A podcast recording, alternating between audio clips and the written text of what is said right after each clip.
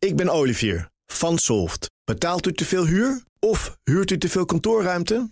Solft heeft de oplossing. Van werkplekadvies, huuronderhandeling tot de verbouwing. Wij ontzorgen u. Kijk voor al onze diensten op soft.nl. De column van Marianne Zwagerman.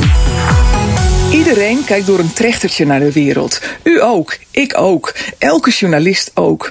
Daarom heb ik zo'n moeite met alle discussies en ophef over nepnieuws. De aandacht voor het onderwerp is in zichzelf al nepnieuws. In Nederland wordt het nauwelijks verspreid. Bleek al snel nadat nu.nl en de Universiteit Leiden de verantwoordelijkheid op zich namen om nepnieuws op Facebook te checken.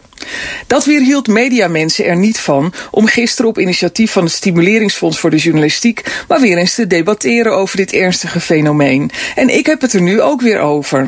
Zo wordt nieuws gemaakt. Nieuws wordt namelijk altijd gemaakt. Of iets nieuws is of niet, is het resultaat van keuzes die journalisten maken. Het is geen objectief gegeven.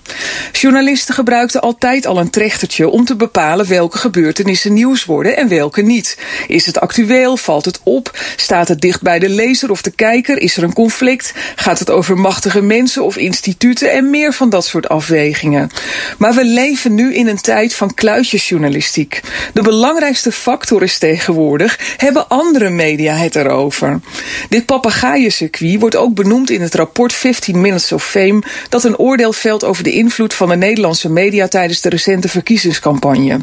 De vergrote concurrentie op de mediamarkt sinds de digitalisering wordt als oorzaak aangemerkt voor de napraatziekte. Dat is best raar. Je zou denken dat een markt met sterke concurrentie een meer divers aanbod op zou leveren. Maar in de media werkt dat anders. Toenemende concurrentie stimuleert dat journalisten zich spiegelen aan elkaar. Ze willen niet missen wat de ander heeft, wat leidt tot imitatiegedrag, staat in het rapport.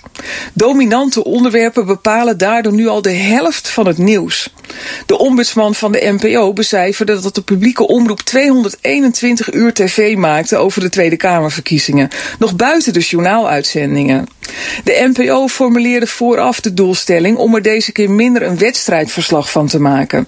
Maar naarmate de strijd vorderde, vielen de programmamakers toch in de valkuil van peilingen en ronkende voor- en nabeschouwingen. De verslaggeving op tv ging behoorlijk vaak over de campagne zelf en niet over de politieke inhoud. En omdat kiezers bij een winnaar willen horen, beïnvloedt dat de uitslag. Misschien een idee om de papegaaien-snaveltjes iets anders af te stellen nu de formatie de tweede ronde ingaat. Ik ben Sylvia van Solft. Betaalt u te veel huur of huurt u te veel kantoorruimte? Solft heeft de oplossing. Van werkplekadvies, huuronderhandeling tot een verbouwing, wij ontzorgen u. Kijk voor al onze diensten op soft.nl.